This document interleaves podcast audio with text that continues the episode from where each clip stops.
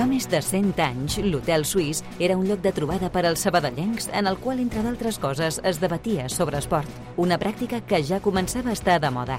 Un segle després, continuem amb aquell esperit històric d'una ciutat estretament vinculada a l'esport.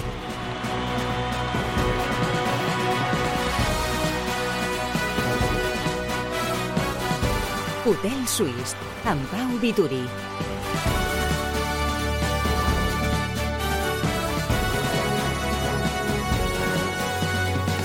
Què tal com esteu? Avui és dimarts 27 de febrer del 2024. Veníem els últims dies amb l'argument que les baixes havien debilitat especialment la medular del Centre d'Esport Sabadell. Ni que sigui durant un partit, Sergi Maestre i Marc Domena, que es van encarregar d'omplir aquest buit i fer-nos oblidar d'aquestes absències. I ara que les lesions també han acabat d'afectar l'eix de la defensa, tres quarts del mateix contra el Real Unión, Jordi Calavera i Jesús Fernández van estrenar titularitat en línia de 5 per cobrir les absències, les baixes de Carles Salvador i de Jonander Melívia, de durada considerable, la del segon.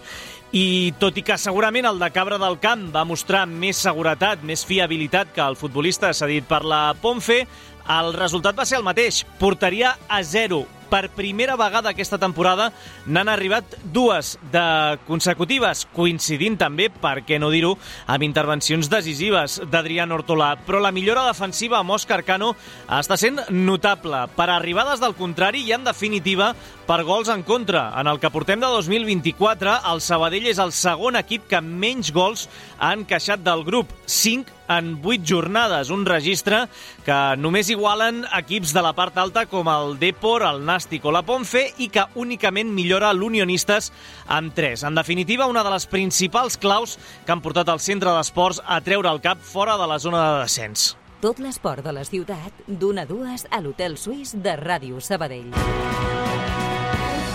Programa número 1385 de l'Hotel Suís que fem amb la Beatriz Aguilar, al control de so. Què passa fora de l'hotel en un minut?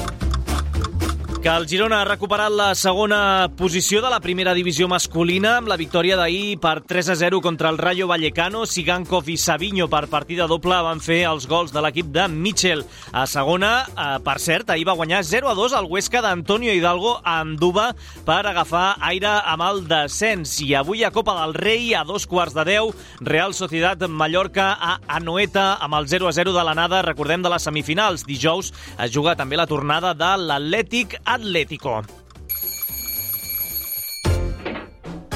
Escoltem ara la resta del sumari.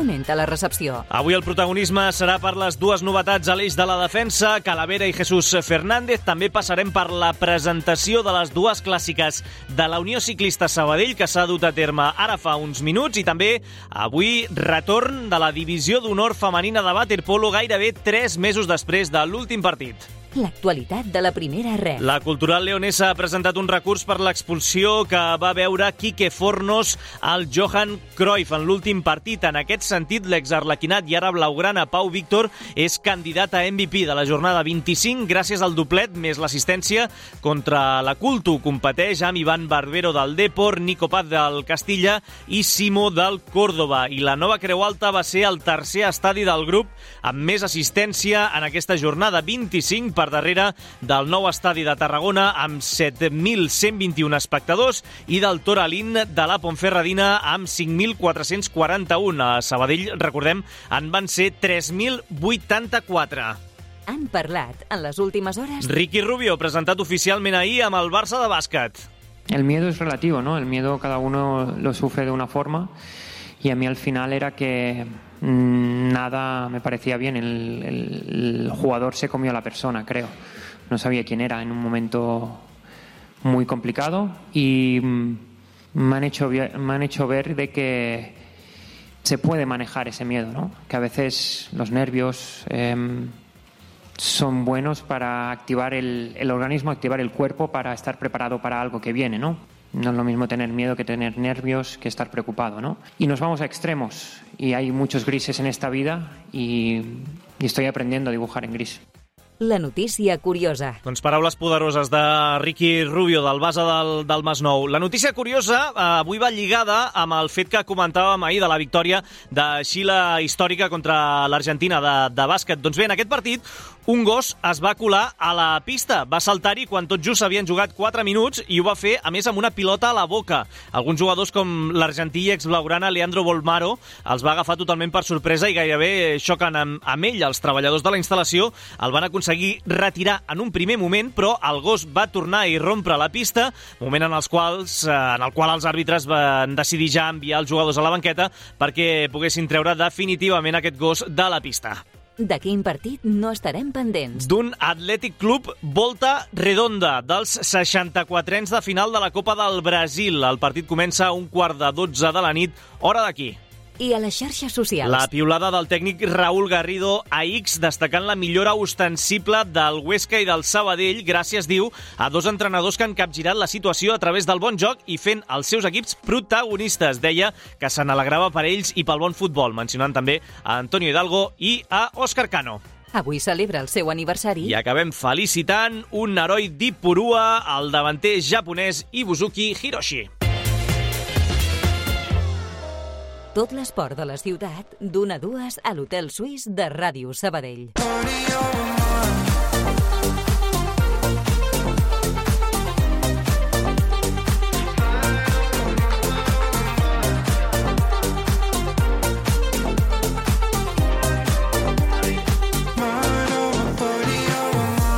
Som-hi! Uh, una i 10 del migdia d'aquest dimarts 27 de febrer del 2024. Sergi Garcés, què tal, com estàs? Molt bon dia. tarda. Bona tarda ja. Com tu Uh, el, que, el que tu vulguis. Uh, per tu qui ha estat el jugador estrella del mes de febrer al, al Sabadell? Ho dic perquè es- acaba de fer la piulada ara al, al, al club i a veure qui és, qui és l'MVP del, del mes. Ara m'enganxes, eh? Del mes. No ho he vist. Del, del mes sencer, eh, dels últims quatre partits.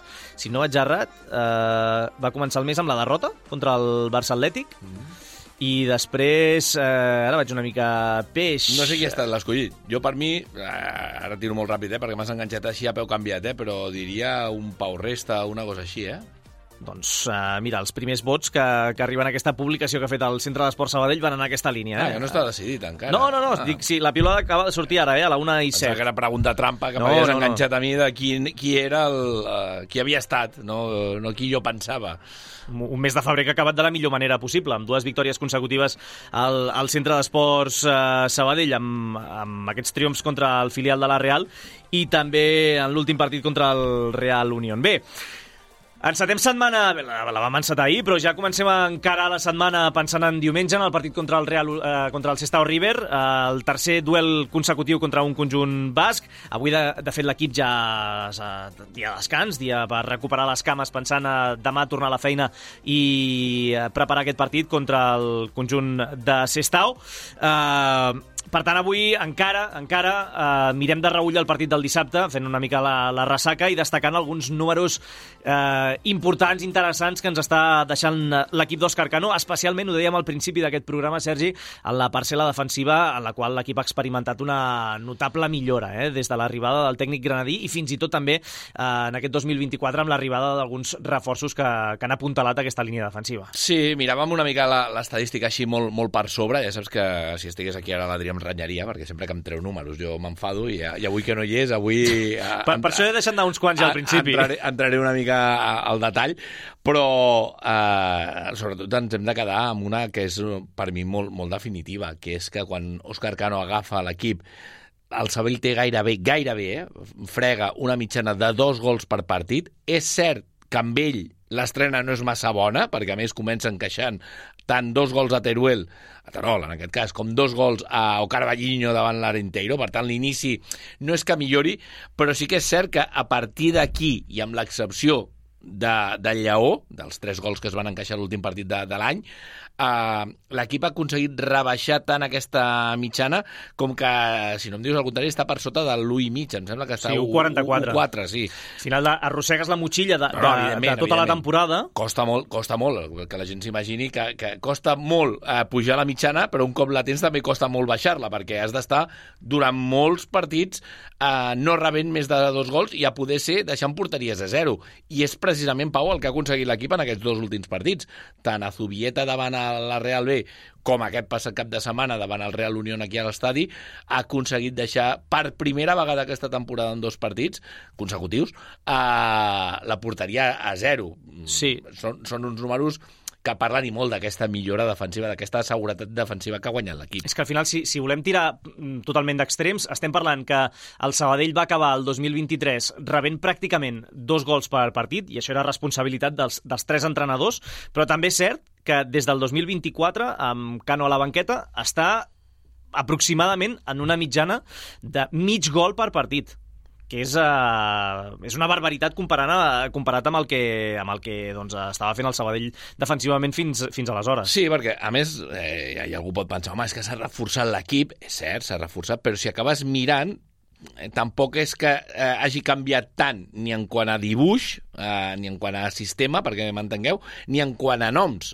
I, de fet, els noms que s'han hagut de canviar moltes vegades han estat més per lesió, per contratemps, que no pas per una decisió tècnica. Dic perquè va entrar Carles Salvador, que aquí sí que podríem trobar un cert canvi, per dir-ho sí, fàcil. Sí, l'únic que ha entrat amb més regularitat en aquesta línia defensiva, no? Clar, en aquest esquema defensiu. La resta, eh, si no és perquè es lesiona a Melívia, doncs no entra Jesús. Eh, L'altre dia també hem vist alguns minuts, de, de molt pocs minuts, molt pocs minuts de Calavera, fins a aquest cap de setmana, on les baixes fan que el, de, el tarragoní, el de Cabra del Camp, sigui titular per primera vegada. És a dir, és més una feina col·lectiva que no pas de peces ho dic perquè si ara repasséssim 11 inicials, eh, hi ha moltes vegades on peces noves d'hivern en són una o dues en un 11 titular. Abde i Carles Salvador, eh, Abde i, mm, no sé, eh, i Sergi Maestre, per posar un nom, però no hi ha grans canvis en, en l'11. És més una feina, en aquest cas, quan a vegades i jo m'ho apunto també, diem moltes vegades, els entrenadors no tenen tanta incidència directa, són els jugadors. Crec que estem, i ara que citaves el, el tuit del, del Raúl Garrido, crec que estem davant d'un d'aquells casos, no sempre són eh, 100% cert, però en aquest cas crec que respon molt un d'aquells casos on la mà de l'entrenador, la figura de l'entrenador, té molt a veure en tot el canvi mental, esportiu, digue-li com vulguis, que, que està dibuixant aquest centre d'esport Sabadell. Al final també és un tema de, de sacrifici col·lectiu, eh? Ens hem cansat també de, de destacar el, el sacrifici en, en defensa d'homes d'atac, com és el cas d'Abde Damar, dels Vladis Copotun, de Marc Marruecos, per tant, feina coral la que està fent el centre d'esport Sabadell en defensa i que ha implicat també, doncs, això, el que dèiem, que hagi disminuït la xifra de gols en contra i que hagi augmentat exponencialment la xifra de porteries, eh, de porteries a zero, perquè abans de la l'arribada de Cano, el Sabadell només l'havia deixat una vegada i contra el pròxim rival d'aquest diumenge, contra el Sestao River, a casa. Des de llavors és que han estat quatre porteries a, a zero. Abans del 2023 va arribar la del dia d'unionistes, però és que en aquest 2024, insistim, amb vuit partits, el Sabadell ha deixat la porteria a zero en tres ocasions contra el Cornellà, contra la Real Societat B i contra el Real Unión, però és que la resta de partits només han encaixat un gol. Per tant, sí, sí. són xifres que parlen molt i molt bé eh, del treball defensiu de l'equip. Ara el que dèiem al principi, ara test d'aquells de, de resistència amb les lesions d'homes com Carles Salvador i de Jonander Amelívia, que de moment en el primer test, anem a dir-ho així, en el primer assalt, el, el resultat va ser el mateix, aquesta porteria zero amb homes que s'estrenaven com Jordi Calavera i per qui comencem avui, no? per Jesús Fernández. Sí, uh, un dels noms propis, evidentment, uh, ahir ho comentàvem, que, que ho deixàvem per avui i avui toca centrar-nos i molt amb el central de, de Navia, amb aquest jove central que arriba procedent del, del filial del Lugo, de, del Polvorín, d'aquest conjunt de, del quadre gallec, i que va tenir la seva primera titularitat aquest passat cap de setmana davant el Real Unión. A més, diríem que eh, dels que estaven jugant al darrere, el que tenia la, la papereta més complicada, ho dic perquè és el que més problemes va tenir, però és que realment la seva feina era molt desagraïda. Havia de frenar un tal Anton Escobar que pels que no el tenien molt controlat, la veritat és que va destacar m'he trobat, però 3, 4, 5 persones relacionades amb l'entorn del Sabadell, aficionats del Sabadell, socis en algun cas fins i tot, que tots destacaven de dir que bé vam estar, i al tanto amb aquest davanter que tenia el Real Unión perquè és que ens va donar molts problemes. I és veritat, Escobar va ser realment un corcoll per la, per la defensa del Sabadell. De fet, jo crec que vam respirar tots molt tranquils en el moment que vam veure que físicament que se li acabava la benzina. acabat la benzina i que deixava de ser un problema i que un dels que més va respirar segurament va ser Jesús Fernández en aquesta primera titularitat. Però bé, com dèiem, partit exigent, molt complicat, diríem que va estar a bon nivell malgrat aquests problemes que li va generar eh, Escobar i sobretot en una tasca gens fàcil de seguida l'escoltem a ell, però abans escoltem Òscar Cano referir-se precisament al paper, al partit de Jesús Fernández i com destacava el granadí la feina feta pel jove asturià. Jesús ha tenido que bailar con la más fea, como se suele decir, ¿no? Es decir, su jugador más rápido, más con una mayor determinación para invadir los espacios a la espalda, pues ha tenido que, que sujetarlo, no es fácil porque eh, de golpe y porrazo lo, pones en el, en el once titular y sobre todo nosotros tratábamos de llegar a su jugador exterior con nuestro exterior y claro, la espalda de Tony eran prácticamente unos contra unos, duelos directos, ¿no? Por lo tanto, bueno, satisfecho de su partido. Ara està repassant també dades, Sergi. Uh, Escobar és un paral·lelisme amb Jesús Fernández. Debuta a segona divisió també amb el Lugo. Uh, per tant, aquí queda aquesta, aquesta curiositat. Un futbolista que ve de fer 14 gols amb l'Arenteiro la, la temporada passada a segona federació, que en porta 7 amb el Real Unión. Per tant, estem parlant d'un jugador que està fent números per mm, tirar avall la porta del, del futbol professional i, per tant, Jesús Fernández que va haver de tenir una, una tarda d'aquelles complicades per doctorar-se. Sí, eh? sí, el que dèiem, exigent, no? Una tarda d'aquelles que, que t'exigeixi molt i que, a més, en el teu primer dia de titular titular, davant de la teva nova afició, a casa, bé, to, tots els elements li podien haver jugat en contra i la veritat és que, més enllà d'algun problema que li va generar, que li va generar, eh, la veritat és que ho va resoldre amb prou solvència com per demostrar que hi ha garanties a l'hora de, de poder fer-lo jugar si, si Òscar Cano ho necessita. També vam parlar, eh, al final del partit amb, amb el propi Jesús Fernández eh, per valorar una miqueta les seves sensacions, no? amb aquest hàndicap també de ser un jugador que venia sense el rodatge, sense els minuts eh, suficients, a més, en aquest cas, tot i que sap el que és jugar a futbol professional ni que sigui eh, allò eh, amb aquella petita asterisc, però és cert també que eh, de ple efecte jugador d'aquest filial, del Polvorín, com estàvem dient, i aquesta barreja d'inactivitat, si volem dir així, diu que se li va notar, però prou content va acabar Jesús Fernández del que havia estat el seu partit també. Sí que es verdad que lleva mucho tiempo sin, sin tener minutos y, y al principio cuesta un poco, pero creo que, que eso es lo que me hace falta, un poco de rodaje para, para empezar a tener como más, más protagonismo y, y disfrutar más. És que al final no oblidem que és un futbolista que, que venia també, eh, com en el cas de... No, no tan exagerat com el cas de Calavera i de Maestre, sobretot Maestre, que portava un any sense, sense jugar, però clar, no oblidem que Jesús Fernández havia tingut molt poc protagonisme amb la, amb la Ponfe, tot just eh, 280 minuts repartits en, en 6 partits i sense participar activament, activament molts minuts des de l'octubre. Sí, per això et deia lo del salt de categoria, no? perquè al final t'has de remuntar a la seva etapa dins del filial per, per, per acabar de trobar aquest, aquesta regularitat a la primera federació un pas testimonial i de fet segurament això eh, porta a, a la decisió de, de la Ponfe de, de donar-li sortida i del Sabadell d'estar atent, tot i que era un jugador, recordem-ho, eh, ja ho vam dir en el seu dia, que ja en el passat mercat d'hivern, mm. en el d'ara fa un any, perquè ens entenguem, el Sabadell ja havia posat la mirada en ell, llavors va ser el Lugo el que no li va voler donar la, la sortida, com sí que ha fet en aquest cas la Ponfe. Però bé, una qüestió ara d'anar a poc a poc, de no perdre aquest ritme, reconeix en aquest sentit eh, també Jesús Fernández Fernández que l'oportunitat li ha vingut en forma de aquest allau de baixes, segurament sense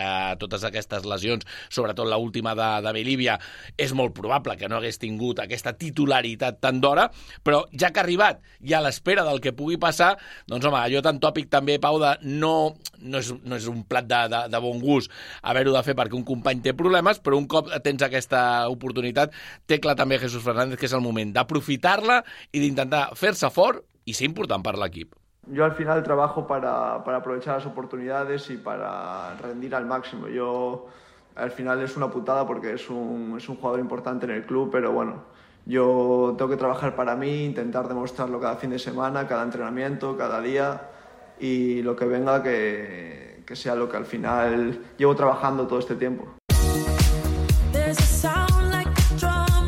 No sé quina idea tindrà al cap eh, encara Òscar Cano, pensant en el partit de diumenge a, a Sestao, però bé, ell mateix, el granadí, ja deia en roda de premsa que seria molt difícil recuperar algú per la causa, pensant en aquest desplaçament, i per tant, eh, home, el, el resultat de l'altre dia, Sergi, convida a pensar que tant Jesús Fernández com el pròxim protagonista Home, tenen moltes paperetes per repetir a l'11. No sé si voldrà jugar de 4 o de 5, però, però bé. Sí, és que de fet, de, de recuperar, recuperar, potser només pots comptar amb Walda. Sí, uh, dintre sí. d'aquest capítol, si contem que Walda ja va entrar en convocatòria, eh? Uh, ho dic perquè escoltàvem ahir a Òscar Cano en roda de premsa també el dissabte només acaba el partit que deia el que ho té més a, més a prop és Moyano evidentment ell se saltava la, la, la peça de Walda, que ni tan sols va escalfar-se aquest passat cap de setmana, però que amb aquesta molèstia al peu, teòricament, hauria d'entrar també en convocatòria sense problema per anar a jugar a les llanes davant el Sestao River. Però bé, com dius, un altre nom de propi i salvant totes les distàncies amb certes similituds a la del propi Jesús Fernández és el de Jordi Calavera. Dic certes similituds perquè en el cas de Calavera és que directament era la seva primera titularitat després d'haver-se estat en blanc tota la primera meitat de la temporada. No per una lesió, sinó pel fet de que el passat estiu es va quedar sense equip, es va quedar sense fitxa i tot just eh, doncs ha estat entrenant tota aquesta primera part de, del 23-24 doncs amb el Castellón. Per tant, d'un moment a un altre, eh, la sensació de tornar-se a sentir futbolista, de tornar a tenir aquesta titularitat, fins i tot diríem de reivindicar-se per intentar tornar el més aviat possible, tant de bo fos amb el Sabadell, al futbol professional. Va estar molt bé, eh? Sí, sí, va estar a un nivell molt bo. Ahir l'escoltàvem ja el veiem al tribuna preferent. Avui hem recuperat un parell de, de parletes d'aquestes, de, de les seves declaracions, d'aquesta conversa que manteníem amb ell només acabar el partit. I sobretot, comencem per aquesta molt semblant a la de Jesús Fernández a l'hora de reconèixer que el ritme al 100% encara no el té, però que va acabar molt content del partit. Portava des del maig de l'any passat sense, sense jugar un partit sencer. Al final vaig jugar 15 minuts a Logroño, però, però no els conto perquè ara n'hi ha els 15 minuts per defensar i tampoc vaig tindre gaire protagonisme. Però bé, molt content, molt content. La veritat que superfeliç perquè crec que tot el que he passat durant tots aquests mesos eh, ara puc donar aquest nivell. Crec que encara no estic al, al meu 100%, ni, ni de lluny, però, però bueno, a poc a poc agafant les sensacions, eh, sobretot agrair als companys que m'han ajudat molt tant dins del camp com, com fora. No ha tingut una estrena fàcil, eh, Calavera, aquí a, a Sabadell. Ara també pensava que, que al final és un futbolista que, més enllà d'aquestes circumstàncies que deia Sergi, de, del passat més recent, eh, aquí a Sabadell eh, és cert que, com deia ell, doncs, té uns minuts a, a les gaunes, però després aquest microtrencament entre els partits del Rayo Majadahonda i del Barça Atlètic, que no el deixa eh, participar, viatja a Zubieta, però encara no està apte físicament per, per disputar minuts, i clar, l'altre dia li toca, li toca jugar als 90 contra, contra el Real Unión. Sí, i, i tot això després d'uns mesos complicats, eh? com el que estàvem explicant, per un jugador que va tenir aquest eh, ensurt de veure's fora de, de, de la, de, de la, del circuit, no? veure's fora de la roda del mm -hmm. futbol per culpa de quedar-se sense equip al passat estiu i que no ho té fàcil, sobretot perquè ha hagut d'afrontar aquesta, aquest punt de complicació, no? de, de saber que entrenes amb un equip però que arriba el cap de setmana i tu no tens fitxa per, per poder jugar, ni tan sols, eh, com diria aquell, ni els amistosos. Per tant, eh, una situació complexa i ens hem volgut quedar precisament, o m'he volgut quedar amb aquesta part no tan futbolística, tot i que té una vinculació, evidentment, també amb certa relació, perquè és aquest punt mental amb el qual ha hagut de treballar Jordi Calavera al llarg de tots aquests mesos. Un camí, deia ell mateix, d'aprenentatge per créixer i fins i tot diu que per ser millor persona i millor futbolista. Crec que sóc molt millor jugador i molt millor persona ara, havent estat 5 mesos fora, sense equip, que si hagués estat en una situació més còmoda. De veritat que ho penso així. I al final pues, també és una manera de, de, de tornar a ser un altre cop una, no que siguis més humil, perquè ja em considero una persona humil, però que tinguis una cura de realitat. Al final portava molts anys al futbol professional, eh, còmode, tocant primera divisió, segona divisió, play-offs, eh, inclús ascendint a primera amb el Girona, eh, i al final això a mi m'ha servit pues, per, per reivindicar-me a mi com a persona i com a jugador. La perspectiva, eh? eh? Posar en perspectiva la teva carrera amb, amb la situació que li ha tocat viure a Calavera. Eh, un discurs que, mira, salvant les distàncies, em recorda una mica el que escoltàvem al principi del programa de, de Ricky Rubio amb el Barça de, de bàsquet. Eh? També futbolistes i esportistes, en aquest cas, que, que s'obren directament com a, com a persones i que parlen sense complexos d'això, d'aspectes mentals també, els pitjors aspectes mentals que té el, el fet de l'esport d'elit. Afortunadament, cada cop més freqüent, no ho dic pel sentit de que tinguin aquests problemes problemes o, a, o a aquestes dificultats, sinó pel fet de que, com dius, ho sàpiguen eh, traslladar, ho sàpiguen verbalitzar i sí, al cap i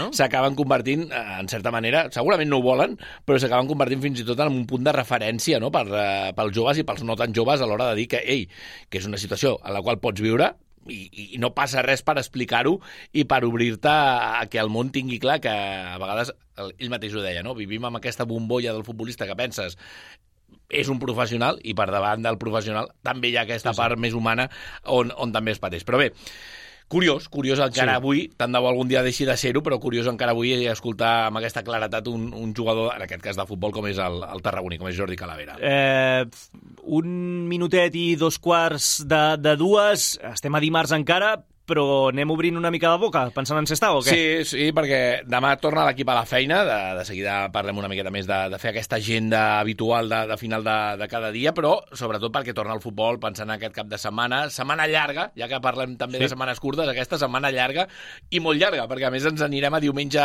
tarda vespre, gairebé, per viure aquest partit davant el Sestau. Recordem, un rival de la zona baixa, també, un equip que ara mateix està en aquestes places de, de descens a segona federació, que el té el Sabadell a 6 punts, seria una bona oportunitat per continuar obrint aquesta escletxa, com a mínim respecte a aquest eh, rival, i sobretot també perquè, eh, recordem, eh, ve ara d'encaixar de, un 4-0, és cert que contra el Celta Fortuna, que t'hi has de veure, ja Barreiro, quan, eh, quan et passa per sobre la, la piconadora de, del conjunt eh, celtinya. Ja ho van patir. Però en aquest cas també avisant tot i que recordem que en el partit d'anada el Sabell va guanyar còmode, 3 a 0, segurament dels miratges que va tenir la primera part de la, de la temporada, aquella victòria contundent per 3 a 0 a l'estadi, però Òscar Cano, gairebé fent seves les paraules entre cometes, l'informe de Carlos Rosende que van a veure els, a, davant el Nàstic de Tarragona, parlant també de la dificultat, i més a casa seva, de jugar contra aquest conjunt viscaí. Otra batalla que tenemos la, el próximo fin de semana contra un equipo que hace muy bien las cosas. Carlos Rosende estuvo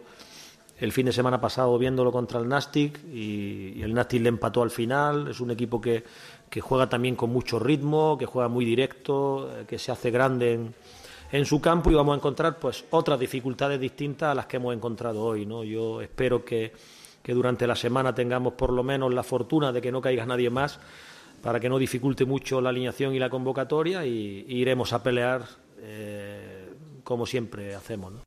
Aquest empat contra el Nàstic, per ser l'únic punt dels últims nou possibles que, que ha aconseguit el conjunt basc, que està en aquesta dinàmica complicada, com ho diu la, la seva classificació. Sí, però bé. Si, si bé cert que a casa eh, no perden des del desembre. Eh? Sí, sí. Eh, no, no guanyen tampoc. Ahir li deia l'Adrià, eh? tenen problemes per guanyar. Només han guanyat tres partits aquesta temporada com a locals, però és veritat que també és perden difícil, molt poc. És difícil guanyar-los també. Només n'han perdut quatre. Empaten molt. Toquem, toquem fusta, eh? que no passi res més durant la setmana pel que fa a, a lesionats.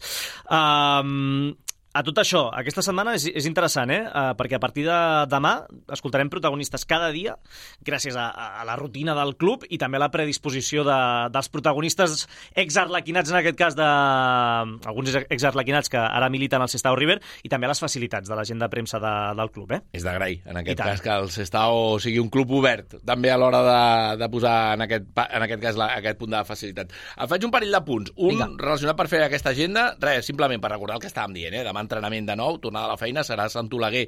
I amb roda de premsa, com dèiem ahir, ara ja confirmada Mar Marruecos, ara que li agrada parlar amb la premsa. agradar, eh, el fes personal? Home, em, em va fer molta gràcia ahir al Tribuna Preferent. Eh, recomano a tothom que, que el vagi a, a buscar, perquè sempre va bé descobrir coses més personals de, dels futbolistes, i en aquest cas ahir Marruecos ens va deixar alguna parleta també curiosa. en forma de pel·li, sobretot. Uh, en forma de pel·lícula. No seria un cinèfil, jo crec. No. Que... Però, en tot cas, eh, que continuï sent un futbolista, que és el millor, uh, l'escoltarem en directe. Ara que li agrada parlar amb la premsa, com ahir també reconeixia, doncs res, uh, en roda de premsa demà la seguirem en directe aquí a l'hotel. Simplement simplement per recordar que el partit és a les 6 diumenge, per tant, des de mitja hora abans, des de les Llanes, ja us saludarem els del Sabell en joc. I un apunt més, m'estic anant una mica més enllà, però eh, s'ha sapigut, o s'ha confirmat, el que ja gairebé semblava també una evidència, veient com estaven anant el tarannà tota la temporada. Setmana Santa, Madrid, Fuenlabrada, per ser més exactes. Problemes per tots aquells que tinguessin pensat aprofitar la Setmana Santa per anar a veure el Fuenlabrada Sabadell. Estan obres encara sembla jo, la Sagrada Família. El Fernando Torres i el club madrileny ja ha anunciat, com ho està fent tota la temporada, que no hi haurà entrades a la taquilla pels eh, públic visitant, que per tema de capacitat ara mateix d'aforament, només els socis del Fuenlabrada podran assistir al partit. Ho dic, no sé si ara he trencat el somni de molta gent o no per anar aquesta Setmana Santa cap a Madrid i aprofitar el viatge, però en tot cas eh, ho han fet tota la temporada, no és un cas eh, concret pel Sabadell, però aquestes hores del Fernando Torres no, i que deuen no, estar quedant deu estar quedant un estadi preciós, perquè amb el temps que fa que estan en obres, jo crec que des de que vam anar a segona A, que ja estaven fent obres allà al Fernando Torres i encara continuen. Doncs informació important de, de servei, eh? pensant en aquest partit eh, entre el Fuentlabrada i el, i el Centre d'Esport Sabadell, que t'he de dir que no tinc massa ubicat l'horari. Eh, la meva memòria dissabte, arriba 4, fins al Depor. Dissabte 4 de la tarda. Correcte. Del dissabte de Setmana Santa, perquè ens entenguem. Sí, doncs mira, estava mirant i el Sabadell jugarà uns quants dissabtes consecutius. Eh? Després del, a partir del Depor Arenteiro a casa dissabte, Fuent la dissabte i Teruel dissabte, també. No, aquest dissabte dia 30 diria que és, no? Sí, 30 a les 4 de la tarda. Sí, doncs, sí, sí, sí. Uh, això, uh, que, no, que si algú pensava anar a Madrid, en tot cas, que continuï anant a Madrid si vol, però a fer turisme. Anima, o, o animar des de fora. Animar des de fora. Bueno, ja, Amb la ràdio a l'orella. Hi havia una... No, no vull dir una idea. Hi ha una mena de paret on recordo que l'any que vam anar a segona A hi havia nanos allà enfilats. No és la millor manera de veure el partit, però hi ha algú una possibilitat. una, una vestida... Hi ha, hi ha una possibilitat. O, o Javi Máiquez, un habitual, puja a sobre de la caravana eh, per veure Li dona, el, el ja partit. dic jo que per la... Si no han pujat la paret, eh, amb la, amb l'autocaravana del, del Javi en té més que suficient. Sergi Garcés, gràcies. Apa, fins ara. Escolta el programa quan tu vulguis al podcast de l'Hotel Suís.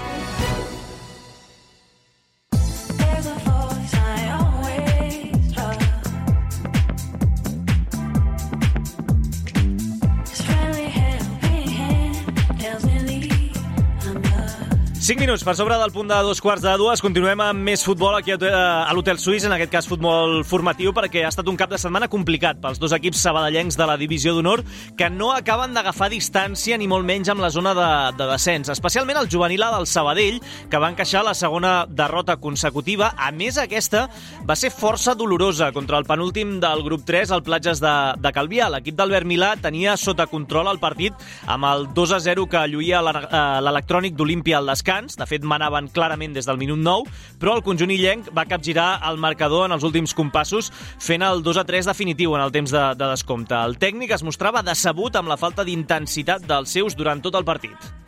Ellos te exigen un nivel de activación mucho menor a otras semanas. Eh, los partidos que están muy igualados, muy competidos, eh, la fase, el momento de activación del jugador es muy alto y cuando juegas contra estos rivales que son inferiores, eh, parece que te despistes, parece que te relajes y cuando te das cuenta te han metido un gol y están dentro del partido. Hemos tenido con el 2-0 hemos tenido un par de acciones para matar el partido, con el 2-1 también para, poner, para meter el 3-1 y, y al final, en los últimos cinco minutos, otra vez volvemos a encajar. Un resultat que deixa el juvenil del centre d'esports 11 i només un punt per sobre del Huesca, que és qui marca ara mateix el descens a nacional. I per la seva part, el mercantil encadena ja 5 jornades consecutives sense guanyar. L'última va ser un empat a 0 al camp d'un rival directe com és el San Francisco, que es troba just per sota a la taula. El tècnic Carlos López, però, feia una lectura positiva assegurant que l'equip va mereixer més a la segona meitat i que la línia de joc és bona. Aquesta setmana doncs, uh, l'empat va ser molt meritori en el sentit de que, de que sobretot a segona part doncs, vam ser força superiors i vam, vam inclús tenir moltes ocasions per, per fer gol i bueno, al final no, no va poder ser, però sí que és veritat que l'equip va tornar a tenir aquesta sensació eh, que havíem tingut durant tota la temporada. A la taula els mercantilistes continuen setents, però aquesta diferència amb el mateix Huesca, que eh, és 6 llocs per sota, ja és només de 3 punts i un grau per sota a la Lliga Nacional, punt amb regust de victòria del juvenil B del Sabadell. L'equip d'Isaac Marcos va empatar sense gols al camp del líder del grup 7, un Nàstic Manresa que, atenció, porta 14 victòries i 5 empats en 19 jornades. No ha perdut cap partit en una lliga on hi ha, per exemple, el Barça B, l'Espanyol B, l'Adam B o el Nàstic. Marcos admet que el pla de partit va a la perfecció. La verdad que el, el, partido fue muy bien, el partido salió tal y como esperábamos, sabíamos que iba a ser un partido eh, muy complicado porque ellos en su campo la verdad que han fallado muy poco, es un equipo que todavía no ha perdido en, en esta competición y sabíamos que teníamos que ser muy solidarios, muy sólidos atrás y luego cuando tuviéramos la oportunidad proponer nosotros con balón, y bueno, así lo hicimos. Al final el punto lo valoramos como, como muy bueno en ese campo. Continua tot això el juvenil B del Sabadell en una còmoda novena posició a Nacional amb 6 punts de marge respecte a la zona de descens que delimita a dia d'avui l'Atlètic Segre. Publicitat i a la tornada tenim per aquí el Sergi Parc parlant de ciclisme.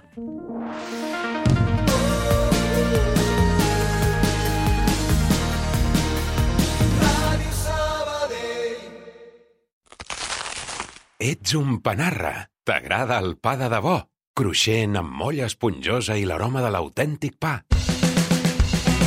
A Valero també som uns apassionats del pa, del pa de veritat, del de sempre, del que vam aprendre a fer fa més de 60 anys. Per això, elaborem les nostres especialitats com abans, respectant la tradició, perquè puguis tornar a gaudir del plaer de menjar pa. Perquè a Valero som forners. Som del Sabadell. Encara no segueixes el canal de WhatsApp de Ràdio Sabadell? Estigues informat al moment de tot el que passa a la ciutat d'una manera pràctica i senzilla. Busca el nostre QR al web radiosabadell.fm i a les xarxes socials de Ràdio Sabadell. Escaneja-te'l i ja ho tens, sense la necessitat de donar les teves dades ni d'inscriure't en lloc. Més fàcil, impossible. El canal de WhatsApp de Ràdio Sabadell. Una manera ràpida d'estar al dia de tot allò que està passant a Sabadell. D'una a dues, l'Hotel Suís, a Ràdio Sabadell.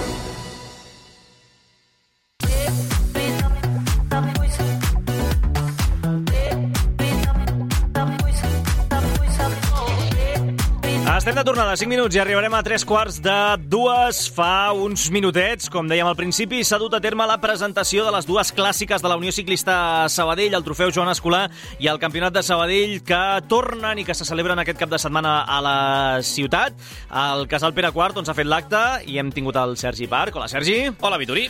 Mira, confessaré que el Sergi Parc ha entrat a la redacció a les 12 i 58 aproximadament, a uns dos minuts de començar el programa, i em diu hi ha moltes novetats, hi ha moltes novetats, i, i les vols saber ja, i hem quedat, mira, no, m'esperaré al directe. M'esperaré al directe per saber tot el que passarà en aquestes clàssiques, perquè has entrat amb una cara d'emoció i dient-me que, que hi havia hagut un bon grapat de novetats.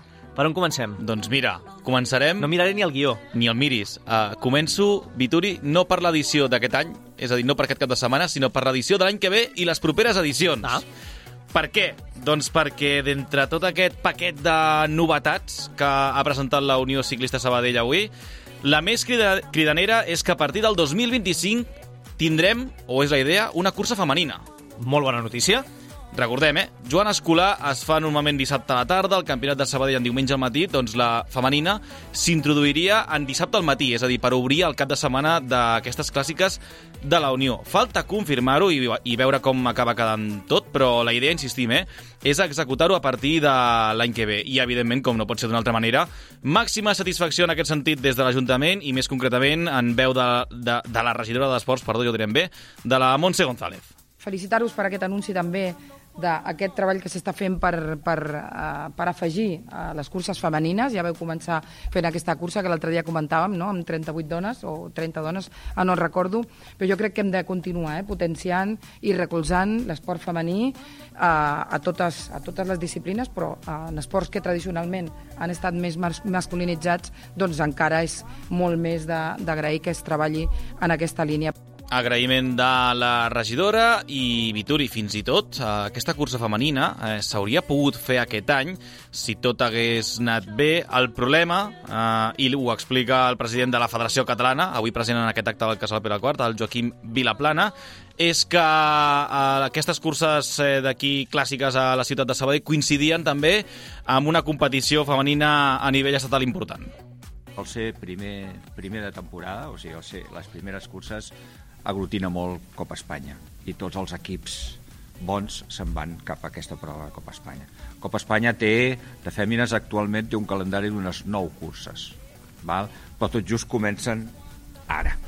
i si bé s'havia treballat, perquè això s'havia treballat perquè hi havia la perspectiva d'inaugurar, no només en Bèrids 23, també també en fèmines. De fet, Sabadell ja va acollir un, una edició del Campionat de Catalunya de Fèmines, o sigui que ja teníem certa experiència, però la volíem fer grossa. Doncs serà, serà ben grossa, però a partir del 2025, com ara avançava el, el Sergi Parc. I de novetats d'aquest cap de setmana, n'hi alguna? Doncs mira, si ho has percebut, que segur que sí, hi ha hagut un petit canvi de data en aquestes curses de la Unió. Normalment en el segon cap de setmana de març se celebraven. Aquest any en el primer cap de setmana de març. Per què? D'entrada perquè la Unió es vol assegurar el fet que obrin la temporada aquí a, a Catalunya. A més, aquest any passen a ser, Pau Vituri, el Gran Premi Inauguració amb el permís de la Federació, que agafen aquest títol precisament per això, perquè estrenen temporada en aquest primer cap de setmana de març. I justament, aprofitant aquesta circumstància, aprofitant que eh, s'estrena el curs aquí a Sabadell, Antoni Soler, el president de la Unió, ha explicat la idea que han tingut a l'entitat, crear una challenge per aquest cap de setmana. Una challenge no és una volta, és una challenge, és a dir, és una classificació que agrupa les, els que participin a les dues curses. És a dir, un corredor pot participar en una cursa i a l'altra no, i els que participin a les dues curses, aquests entren en una classificació general. Això, perquè ens fem una idea, a gran escala seria el que es feia a principi de temporada amb la Challenge de Mallorca, Exacte. que són cinc proves, i que es feia una classificació final de, dels participants de les cinc proves de la, de la Challenge. Ara són eh, trofeus per, per separat, anem a dir-ho dir, dir així. Sí, tal qual. Doncs, en tot cas, això, la novetat. Eh, a part, Vituri, també tenim aquest acord de la Unió amb l'Ajuntament perquè es concedeixi el títol a aquestes curses de Ciutat de Sabadell. Veure, Fes-me fes un resum que em perdo. Resum. Tenim les dues curses de sempre. Dissabte Joan Escolar, diumenge el Campionat de Sabadell, però ara, a partir d'aquest any, totes dues curses formen part d'aquest anomenat Challenge Gran Premi Inauguració Ciutat de Sabadell, fruit d'aquest acord tant amb la Federació Catalana per inaugurar el curs com amb l'Ajuntament per portar aquesta nomenclatura de, de Ciutat de Sabadell. I això no canvia, per cert, i ja per enrebaçar-ho una mica més, eh? però um, amb aquestes curses també s'obre el trofeu de les grans clàssiques d'aquí a Catalunya, del Joan Casadevall, vuitena edició, això sí que no canvia. Doncs felicitar també en aquest cas a la Junta liderada per l'Antoni Soler perquè, vaja, estan molt, molt, molt actius introduint novetats uh, pel que fa a aquestes clàssiques. El recorregut, també hi ha novetats, Pau Vituri. També? Sí, sí, és que novetats per tots costats. Mare meva. Es manté en línies generals el recorregut de l'any passat, però al final sí que canvia, perquè quan ja tornen cap aquí i arriben a Castellà, s'allarga el recorregut, es desvia el pilot cap a Sant Manat i entraran pel pont de la Salut i d'aquí cap a Vilarrúbies. És a dir, que al final, més enllà de posar-li més quilòmetres eh, al traçat... És, és a dir, perquè la gent ho entengui, en comptes d'entrar per dalt, per la carretera de Prats, s'entra per baix. I això amb, farà, amb, amb pujada. Això farà més trencacames, és a dir, que probablement pot tenir un desenllaç amb una mica més d'emoció, més propici, segons han estimat des de la mateixa Unió Vituri, doncs perquè hi hagi pilots més reduïts, no tant ja per escapades, perquè creuen que aquí el control de, del gran grup eh, mm, continuarà en la seva línia, però sí que evidentment hi pot haver algun grup més selectiu i això, pilots me, més reduïts. En definitiva, que és un win-win. Eh, totes les parts guanyen perquè la Unió buscava també més seguretat en aquest final de, de cursa i entre això i que l'arribada passa a ser doncs, en línia ascendent, com tu deies, Vituri, fins a Cal Balzac, això sí que no canvia, la línia de meta a Cal Balzac, això, línia ascendent, no descendent, per tant, se suposa que hi haurà un punt més de seguretat i això és un fet que ha agraït el president de la Federació Catalana, el Joaquim Vilaplana. Hi ha normatives de seguretat que ajuden molt als ciclistes i és que l'arribada la gent va, va molt forta, si van en grup l'únic que veuen és aquell a l'arc d'arribada i si juguen la victòria. I per tant, no pot ser, no hauria de ser mai en pendent descendent o en pla, si pot ser amb, amb algo de pendent, és, és molt millor pendent ascendent. I aquí, que ja es va fer amb, amb la Volta a Catalunya, recordo que venint de Setmanat tenim ascendent i podem arribar al mateix lloc. O sigui, ho trobo ho trobo perfecte. Interessant uh, aquest final perquè si algú doncs, s'havia doncs, apropat a veure les, les grans clàssiques dels últims anys de, de la Unió, uh, aquest final en, en lleugera baixada feia que els ciclistes anessin directament fins a l'hotel Urpí. Sí, sí. Uh, un cop uh, creuada la línia, la línia d'arribada. Però bé, va un parell d'aspectes més. D'entrada, els inscrits. Sí, eh, pràcticament totes les inscripcions cobertes, si és que no s'han cobert, a la Unió esperaven això, eh, que el topall estigui pràcticament fet, de, de 200 per dia, Amb alguna sorpresa, Pau Vituri, i ja la podem avançar. Sí, també? Atenció, eh, perquè hi havia el dubte què passa amb el Raúl Rota, David Domínguez, el Serra... Sí, són- són professionals. Sí, en equips Continental, però pel fet de ser equips de Continental poden participar a les dues curses, i els dos estaran a les dues curses. Oh, molt bé. Per tant, bona participació en aquest luxe. sentit. Sí, Sí, sí. I espera't, que també hi ha una sorpresa d'un esportista d'elit d'una altra disciplina que no- no és el ciclisme. Aleix Espargaró Què dius ara? participa al Campionat de Sabadell. Molt bé.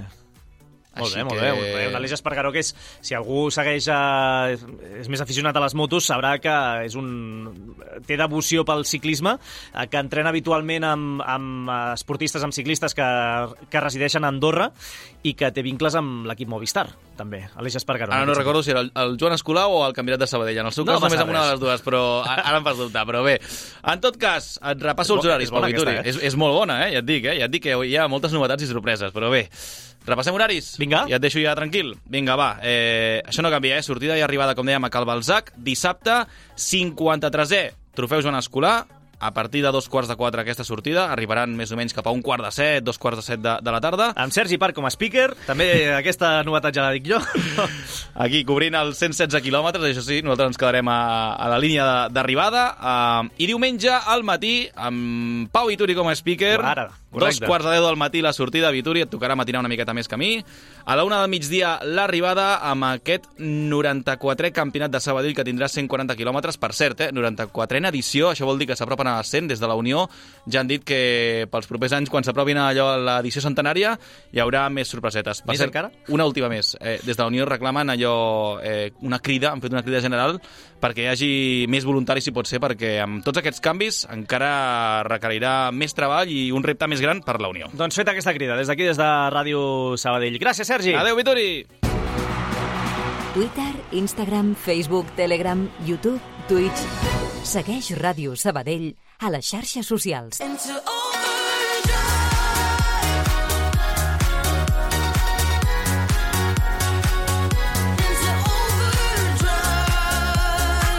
Més qüestions del ciclisme al waterpolo, dos mesos i 25 dies. Aquest és el temps que ha passat entre el darrer partit de Lliga de l'Astralpool Natació Sabadell i el d'avui a tres quarts de nou del vespre a la Finet Work Aquatics contra el Sant Feliu. Es reprèn la divisió d'honor femenina per l'equip de David Palma després d'aquesta disputa de l'Europeu al gener i del Mundial al febrer amb la conseqüent també preparació al mes de, de desembre. Ens escolta el tècnic de l'Astralpool, precisament el David. Què tal, David? Com estàs? Molt bon dia. Hola, bon dia. Molt bé, vosaltres? Doncs expectants per aquesta tornada de la, de la competició. No sé com us ho preneu vosaltres, perquè realment ha estat com una aturada estiuenca aquests tres mesos que, que parlàvem. S'ha fet una mica estrany, no? Sí, no, la veritat que per les quatre que ens hem quedat aquí a, a entrenar ha sigut una situació una mica, una mica complicada, no? Massa temps, sense poder treballar el tàctic, complicadet, però bueno, avui ja comencem contra, contra Sant Feliu i amb ganes de, de tornar a veure a l'equip jugar amb totes les jugadores juntes i, bueno, tornada ràpid perquè la setmana que ve ja tornem a, a la Champions, no? que això va ràpid. Podríem dir que és una tornada progressiva, no, David? Que, que al final teniu tres partits eh, de Lliga, tres compromisos assequibles abans d'afrontar aquest duel a la Champions. No sé si va bé que la Lliga, doncs això, vagi una mica de, de menys a més fins a arribar a aquest partit de, de l'Alimos. Sí, no, la veritat que el partit d'avui l'hauríem d'haver jugat dissabte passat, el que passa que el vam decidir de moure una miqueta per si la jugadora internacional pogués tenir tota la setmana de, de descans, no? que enganxés també el cap de setmana per veure la família i això, i, i ara s'acumula una miqueta aquí la feina, però sí que és cert que és contra Sant Feliu, eh, dissabte a Barceloneta i diumenge a Boadilla, bueno, són equips que nosaltres som molt superiors i que crec que ens permet pues, fer una reentré amb una mica de, de més comoditat, no? sense aquella pressió ja d'afrontar-te contra un rival que sabràs que hauràs d'anar a Ganivet per guanyar, tot i que no pots relaxar-te perquè mirant aquí de reull al veí, al Terrassa, dissabte que va jugar contra Cano, eh, que també penso que hi ha una diferència important d'equip, a l'última part van entrar empatades, o sigui, al final va guanyar de 2, 8, 10, crec que va ser, o sigui que no et pots refiar, ¿vale? perquè aquests equips han estat entrenant juntes i segurament voldrà aprofitar l'oportunitat, no? tot i que penso que Sant Feliu i, i Guadilla, evidentment, hi ha un salt de qualitat molt bèstia, que seria difícil per elles poder donar una sorpresa, però sí que un Barcelonet allà a casa seva ha de sortir amb ganes de, de guanyar el partit. A tot això, aquests dies has tingut eh, 8 de les 13 jugadores convocades amb les seves diferents seleccions, ara ho dèiem, a l'Europeu i, al, i al Mundial.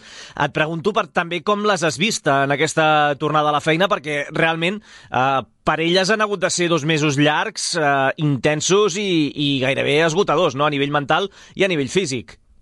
Sí, bueno, ahir parlava amb la, amb la Maica i una miqueta amb la, amb la Judy Forca i em va sorprendre perquè mm, no estan malament. Físicament estan bé, ara estan aquí a... ahir, perdó, va, va, al gimnàs estaven bé, se les veu mentalment bé, o sigui, el Vicky ha canviat alguna coseta de, de la planificació, sobretot al Mundial, de no fer... O sigui, els dies de descans no han fotut tanta sessió d'entrenament i jo crec que això ha ajudat a que, a que arribi una mica millor la, la jugadora. La veritat que tenen ganes de tornar, de tornar a jugar juntes. Mm, uh, sí que és cert que també, David, abans d'aquesta aturada vam deixar l'equip una mica en quadre, amb un novembre que va ser molt, molt, molt intens, molt carregat de, de partits. Uh, la Sofia Justini i la Irene González es van lesionar a la mà.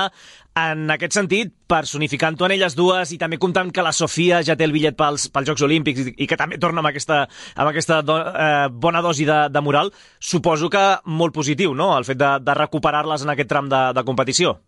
Sí, sí, sí, no, la idea González ja fa setmanes que entrena amb normalitat i la Sofia que està molt bé eh, a, sobretot al Mundial, o sigui, ha jugat amb, amb normalitat, sí que és cert que eh, li van tenir de punxar el, el gener cortisona al dit perquè li feia mal, però a dia d'avui està, està perfecte, està al 100%. I l'última, David, estem a 27 de febrer avui, eh, un es posa a mirar el calendari i en qüestió de, de dos mesos s'ha de resoldre eh, pràcticament tot. La fase regular de la Lliga, on aneu terceres, la Champions, on esteu un pas de, de classificar-vos per aquesta Final Four, la Copa de la Reina... Suposo que amb moltes ganes no? de, de repetir el triplet de l'any passat, que va ser absolutament màgic i que també va venir això, en un, en un període de dos o tres mesos, no? Sí, no, no, ara ve tot de cop, eh, serà molt important que la jugadora eh, estigui bé físicament, no?, perquè s'aniran acumulant partits aquí de Champions i de, i de Lliga. Tenim nosaltres l'objectiu molt clar ja des d'inici de temporada i ara ho reprenem, que és la classificació a la, a la Final Four i la veritat que, que vindrà tot de com, no? Penso que eh, no vam tenir l'inici esperat, no? Vam tenir el hàndicap d'aquestes lesions que parlaven abans, que sobretot quan van arribar els partits més importants a nivell nacional, tant en Mataró com Sant Andreu, pues no vam poder disposar de, ni de la Sofia ni, ni de la Irene, que crec que això va ser també un, un hàndicap important no? per poder competir, sobretot a l'última part no? del partit, de, tant de Mataró com Sant Andreu, que arribàvem allà més, més igualades i l'última part, per la falta de rotació de la banqueta, eh, penso que ens van guanyar la, la partida. No? La veritat que, que vindrà tot de cop i penso que, que arribarem bé. Doncs així també ho desitgem des d'aquí, des, de, des de Ràdio Sabadell, i ho anirem, anirem seguint totes les competicions com, com sempre. Primer pas, insistim, aquest vespre, a tres quarts de nou, a la Finet Work Aquàtics de Canllong contra el Sant Feliu, a la tornada d'aquesta divisió d'honor femenina de Waterpolo. David Palma, tècnic de l'Astralpool Natació Sabadell, un plaer, gràcies com sempre. Moltes gràcies. Adéu. Merci. Tot l'esport de la ciutat, d'una a dues a l'Hotel Suís de Ràdio Sabadell. I encara un apunt relacionat amb el món aquàtic, perquè el flamant eh, recordman espanyol del 100 lliure, el mallorquí del Club Natació Sabadell, Sergio de Celis, ha estat convocat del 3 al 24 de març per dur a terme una concentració en altitud a la ciutat colombiana de Medellín. Al seu costat estarà el tècnic del club, José Antonio del Castillo, Casti, i tot plegat s'emmarca en el programa Team Espanya Élite del Consejo Superior de Deportes, un nou model de preparació olímpica amb l'objectiu de millorar a París els resultats dels Jocs del 92 a Barcelona. Últims 3 minuts en futbol sala, el Natació Sabadell ha confirmat la seva recuperació. La ratxa de 7 derrotes seguides que van arrossegar els nedadors entre les últimes jornades del 23 i les primeres del 24 ha quedat definitivament oblidada, sumant 7 punts dels últims 9. En la darrera jornada els de Pau Machado es van imposar 6 a 4 a les Corts i un dels artífecs de la remuntada va ser Luis García, autor d'un hat-trick.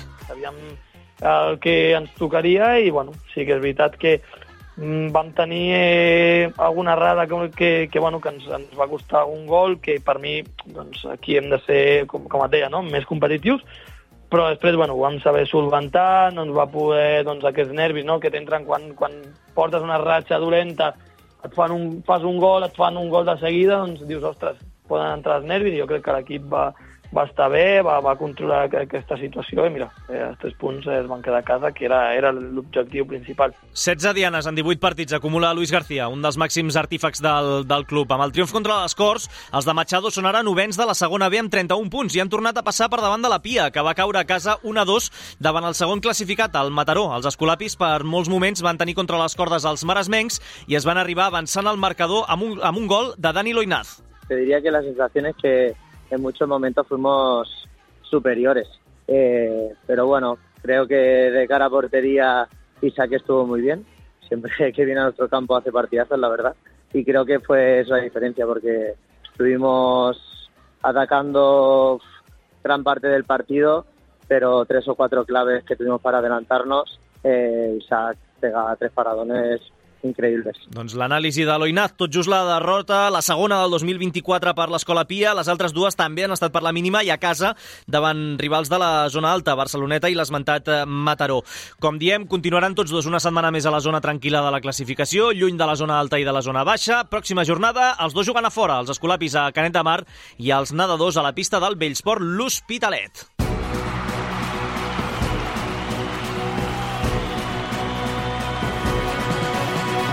40 segons per arribar a les dues. Nosaltres ho deixem aquí. Abraçada de la Bea Aguilar, el control de so dels nostres estudiants en pràctiques, Ivan Letxuga i Anna Clara, i de tot el Departament d'Esports d'aquesta casa de, de Ràdio Sabadell. Demà s'hi torna a seure aquí, a partir de la una, l'Adrián Arroyo, per escoltar la roda de premsa de Marc Marruecos. Que vagi bé, bon dimarts, adeu-siau.